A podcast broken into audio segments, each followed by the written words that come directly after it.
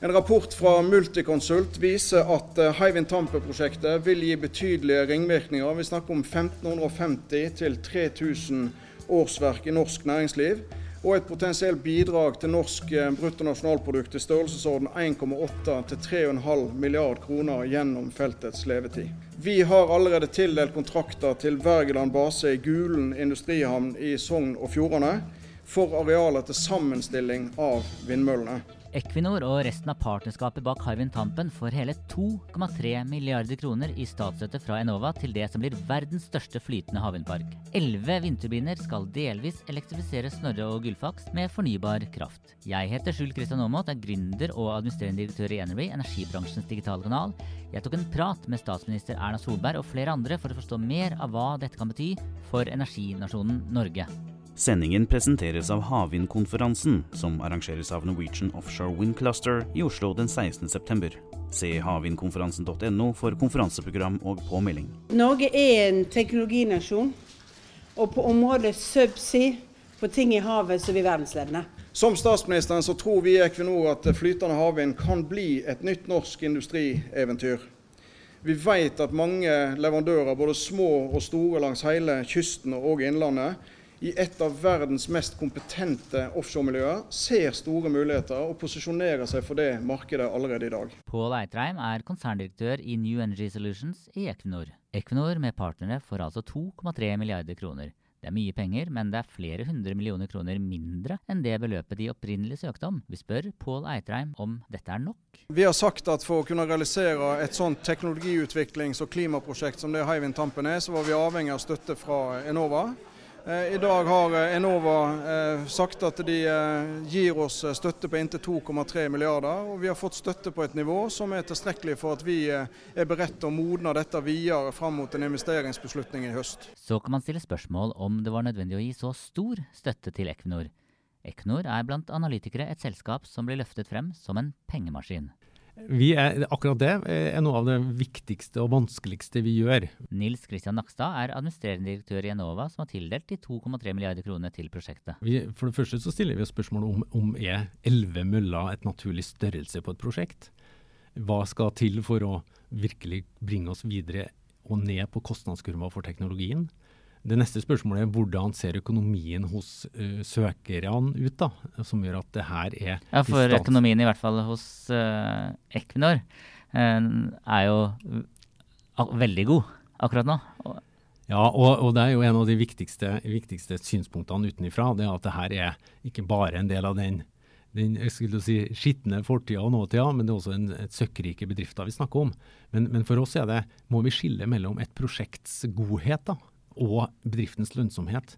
Og det er faktisk sånn at vi ikke har lov til å, å, å støtte bedrifter som sliter økonomisk.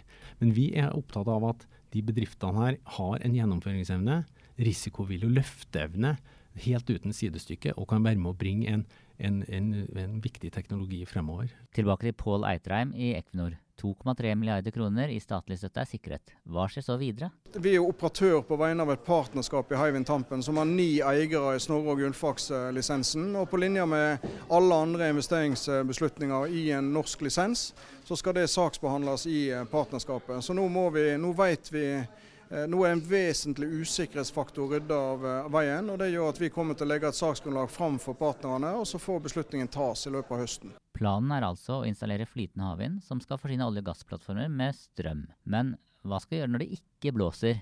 Dette er jo plattformer som i dag bruker gass som primærkilde til, til kraft. Så eh, nå vil jo da, vi vil erstatte mellom 30-35 ca. av kraftforsyningen som i dag kommer fra gass, med kraft fra havvind. Eh, og når det ikke blåser, så vil eh, gass eh, vil være backup-løsningen for, for, vind. Guvernør Andrew M. Cuomo i delstaten New York kunngjorde nylig Equinors Empire Wind Project som vinner i delstatens første store havvindauksjon. Havvindprosjektet på 816 megawatt vil levere fornybar energi til forbrukere i New York. Dette vil bidra til å nå delstatens ambisiøse mål om utvikling av fornybar energi. Hva skiller dette prosjektet med Hywind Tampen? Altså I New York så eh, er det bunnfaste eh, turbiner, der vi eh, setter turbinene ned på havbunnen når de står og, og produserer. Så inntil en 60-70 meter så kan vi ha bunnfaste installasjoner. Dette vi snakker om i dag med Hywind Tampen, det er installasjoner som flyter og som er forankra i, i havbunnen og som bygger videre på noe av det beste innenfor offshorenæringen i Norge når det gjelder eh, forankringsteknologi, dynamisk posisjonering osv. Så, videre. så dette er mye likere det vi kjenner fra olje- og gassida enn den bunnfastteknologien som er stor i Tyskland og i, i Storbritannia, og som nå òg vokser i USA. Norsk leverandørindustri er i verdensklasse bl.a. fordi vi historisk har vært best på å lage skreddersydde løsninger. Når det gjelder Hywind Tampen, så skal elleve like vindturbiner installeres offshore. Vil norsk leverandørindustri klare å tilpasse seg denne type hyllevareproduksjon? Jeg tror eh, den erfaringen som eh, norske selskaper har innenfor eh, marinesegmentet i forhold til forankringer og i forhold til løsninger på, på det, og posisjonering ikke minst, det er teknologi der norske leverandører har lang erfaring. Og Hvis vi ser på de tallene jeg har sett, i hvert fall, sier at i forhold til det globale bunnfastmarkedet, så har eh, norske leverandører i størrelsesorden 3-5% av markedet. Mens vi har sett at i Hywind Skottland, som er et flytende prosjekt, så har eh, norske leverandører stått for over 30% Så jeg tror det viser litt av det potensialet som ligger innenfor det flytende segmentet da, for norske leverandører. Flytende havvind er foreløpig ikke konkurransedyktig. Vi spør Pål Eitreim Equinor om når han tror dette vil skje. Vi har eh, satt oss en ambisjon i Equinor at i 2030 så eh, ønsker vi at eh, det skal være målet vårt, ambisjonen vår år er at det skal være konkurransedyktig. Vi har satt en ambisjon på 40-60 euro per megawatt-time. For å få det til, så trenger vi den typen erfaring som vi får med Hywind Tampen. Vi trenger å få skalert opp løsningene der vi produserer mange turbiner og får ut eh, av masseproduksjon. Og vi trenger å jobbe sammen med leverandørene for å finne enda bedre løsninger. Så det er en lang vei fra Hywind Tampen til å komme dit at vi kan si vi er der vi må være. Men vi har laga et veikart for å ta oss eh, dit, og Hywind Tampen er en viktig del av det. Sendingen presenteres av Havvindkonferansen, som arrangeres av Norwegian Offshore Wind Cluster i Oslo den 16.9. Se havvindkonferansen.no for konferanseprogram og påmelding. Men hvordan finner Equinor ut hvor de skal satse på flytende havvind? I New York er strømprisen omtrent dobbelt så høy som i Norge. Er det derfor Equinor satser på bunnfast havvind der? Alle markeder er jo unike, på en måte. Altså det, det er markeder der havvindpotensialet er stort. Det er andre markeder der solpotensialet er stort. Så her vil jo de ulike markedene tilpasse seg litt de naturgitte forholdene de, de har. Og vi ser jo et betydelig marked på dypere vann der bunnfast og eh, sol og onshore vind eh, ikke nødvendigvis vil være den løsningen de, de går for. Eh, så vi har god tro på at dette skal bli et stort og viktig marked. Det som har trukket oss til USA, er en kombinasjon av, av to-tre ting. Det, det, ene er at langs hele østkysten, inkludert New York, har de satt veldig ambisiøse mål for fornybarandelen i kraftproduksjonen. De har lagt på plass et rammeverk som gjør at vi har en kommersiell trygghet for at vi kan utvikle dette på en konkurransedyktig måte. Eh, det er et marked som vi kjenner godt, som er attraktivt, og der vi har en tilstedeværelse eh, med organisasjon allerede. Så vi eh, ser at vi tror vi kan ha noen komparative fortrinn inn i det markedet som vi kanskje ikke ville hatt i andre markeder. Landbasert vindkraft er preget av store konflikter. På sosiale medier er debattklimaet rundt vindkraft til tider veldig aggressivt. Da Marker vindpark ble åpnet den 23. august i år, så var det ingen politikere som ville delta for å klippe snoren. Det passet kanskje dårlig nå, midt i valgkampen. Jeg spør Erna Solberg, vår statsminister, om hun ser for deg tilsvarende konfliktnivå med tanke på flytende havvind. Jeg tror at eh, det som, det som skjer her med, med, at det er flytende havvind, det vil oppleves som litt annerledes. For det første så er jo det enklere flyttbart. Det andre er at det ligger lenger ute. Fiskerne er jo ikke veldig fan av dette? Nei, og det har vi jo sagt når vi har nå lagt ut på høring de tre feltene som eh, Olje- og energidepartementet har lagt ut på høring. Det er jo, det er jo sånn at det er arealkonflikter også til sjøs, og det må vi løse. Ja, så er det jo en konsekvensutredning som skal Du skal jo gjennom en prosess også på denne, hvor man også skal gjøre de vurderingene. Også hvordan det påvirker sjøfugl, hvordan det påvirker hvordan det er med støy, hvordan det er andre vurderinger. Men sånn foreløpig så er jo de sett på som å være, være små, eh, at det er små konsekvenser. Statsministeren får støtte av klima- og miljøminister Ola Elvestuen. Så dette må jo ses på som det er et stort prosjekt for å drive fram en ny teknologi.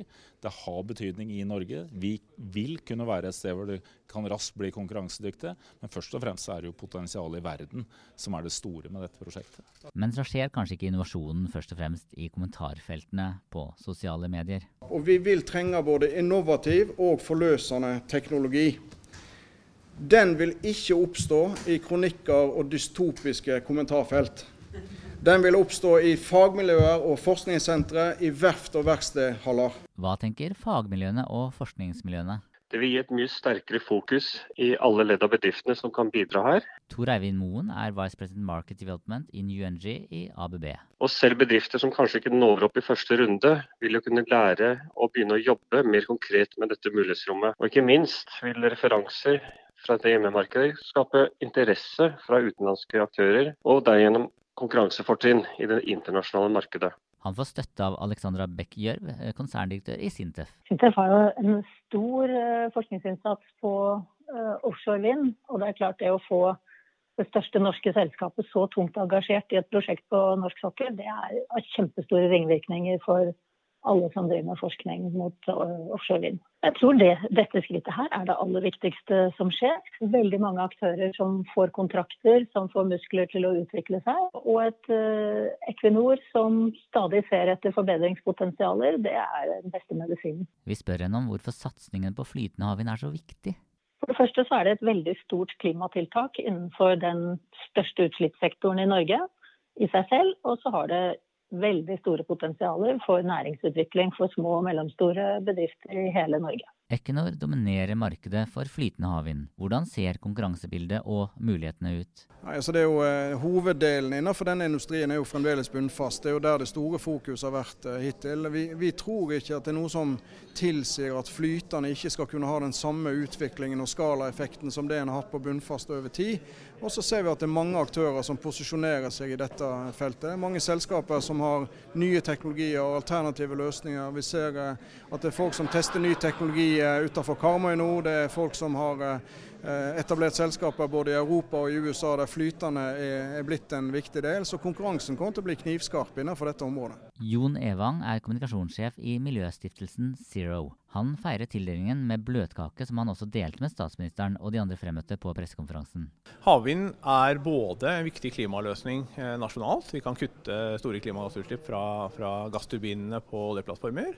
Og, og vi kan samtidig bygge en eh, fremtidig fornybar næring på skuldrene av norsk olje- og gassvirksomhet. Johan Hustad er direktør ved NTNU Energi. Han er glad for tildelingen som Havvindprosjektet har fått fra Enova, og nå minner han om at det er viktig å få til et samarbeid både nasjonalt og internasjonalt. Ja, altså I alle store satsinger som vi har gjort uh, som nasjon på energisida, for å si det sånn, det gjelder jo vannkraft, det gjelder olje og gass og det gjelder også andre ting, så er det et samarbeid mellom industri, myndigheter og forskning utdanning. Å få til det trekantsamarbeidet gjør at man greier å bygge robuste strategier fremover. Og så er det jo sånn at uh, De nasjonene som ligger rundt Nordsjøen, det vil jo da si eh, Danmark, England, Nederland, Tyskland, Belgia, de har jo inngått et såkalt nordsjøsamarbeid. Hvor uh, de selskapene, sånn som Energinett i Danmark og Tennant i Nederland, som er